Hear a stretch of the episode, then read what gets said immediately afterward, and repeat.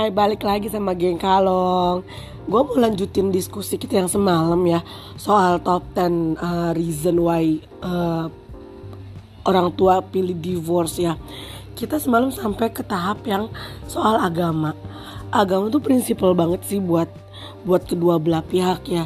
Dan ini uh, punya uh, aturan masing-masing di di dalam ikatan pernikahan, baik yang muslim, non muslim, semua ada uh, aturannya yang masing-masing gitu. Bisa aja menikah dengan dua keyakinan tapi di Indonesia ini ini adalah hal yang sangat tabu dan sebaiknya memang tidak begitu kalau di aturan agama masing-masing ada yang memperbolehkan tapi ada syarat dan ketentuan berlakunya. Sedangkan kalau misal tetap memaksakan diri untuk uh, apa namanya bersama di dua pilar pondasi yang berbeda itu dampaknya adalah ke anaknya juga. Anaknya bakal bingung keyakinan gue bakal ngikut yang mana gitu. Apakah gue ikut ibu gue yang sholat lima waktu segala macem atau gue ikut uh, bokap gue yang mungkin ibadahnya seminggu sekali atau uh, apa namanya ada kegiatan di luar uh, hari-hari biasa segala macem. Itu sih yang harus benar-benar dipikirin banget. Dan ini juga salah satu pemicu uh, akhirnya pasangan memilih untuk oh ya udah kita nggak sepakat untuk mengalah satu sama lain. Saya nggak bisa ikut kamu kamu nggak bisa ikut saya. Jadi ya sudah akhirnya divorce. Nah yang selanjutnya lagi adalah soal uh, ini nih poligami di Indonesia itu poligami uh, sekarang tuh udah lagi apa ya hot topic banget ya. Poligami ada tapi poliandri nggak ada gitu ya. Gue nggak tahu gimana ceritanya poliandri nggak ada tapi memang kayaknya aneh aja gitu kalau cewek suaminya banyak. Tapi kalau poligami bahkan di muslim sendiri pun boleh menikah hingga empat kali. Tapi sebenarnya menikah sampai empat kali ini adalah didasari oleh hal-hal yang memang membuat si laki-laki ini harus menikahi para perempuan ini gitu. Misalnya janda tua miskin segala macam. Bukan yang uh, janda kaya seksi bohai gitu enggak. Tapi kenyataannya pada pada masa kini adalah yang dinikahi para laki-laki ini justru yang membuat mata para istri hati para istri tuh bener-bener sakit bener-bener yang ya udahlah cerai aja. Lu milih dia apa gue? Gitu kan gue nggak mau dimadu. Walaupun istilahnya udah diizinin ya perempuan mana yang mau dimadu? Jadi mendingan tinggalin aja gitu. Nah selanjutnya nih soal perilaku asosial. Perilaku asosial ini mungkin yang suka apa ya di lingkungan atau mungkin jajan ya kan? Bisa jadi sih suka jajan ya kan? Jadi mendingan pisah aja. Yang terakhir ini zaman Siti Nurbaya banget. Kawin paksa dijodohin kawin gantung. Apalagi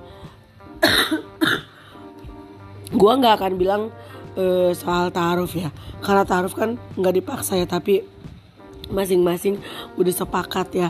Tapi ya itu kalau nikahnya uh, secara terpaksa secara cuman karena orang tua kepentingan yang berbeda.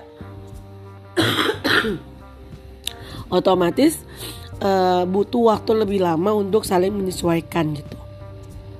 Belum lagi kalau perkawinan paksa ini didukung banyak hal seperti uh, perbedaan etnis dan budaya atau misalnya ada kepentingan orang tua yang uh, berkaitan dengan materi, balas budi, yang gitu-gitu itu sebenarnya kan berat banget ya bila anak harus menjalani per pernikahan yang seperti itu. Dan tak jarang uh, apa namanya hasil dari pernikahan seperti ini mereka sepakat ya udahlah cerai aja gitu. Toh gue nggak pernah cinta sama lo Toh gue nikah sama lo karena gue dipaksa nyokap gue Karena nyokap gue punya utang sama bokap lo Atau balas budi dan segala macem. Nah ini top top 10 yang benar-benar uh, sering banget dia diajukan di pengadilan agama ya. Kenapa bercerai? Karena ekonomi pak. Terus udah itu aja. Enggak pak. Dia itu KDRT saya sering dipukulin gitu kan tapi ternyata sering dipukulin eh, nggak uh, sekali apa nggak uh, cuma sering dipukulin tapi duit belanja juga disunat gitu kan. Itu juga termasuk uh, dalam KDRT gitu kan.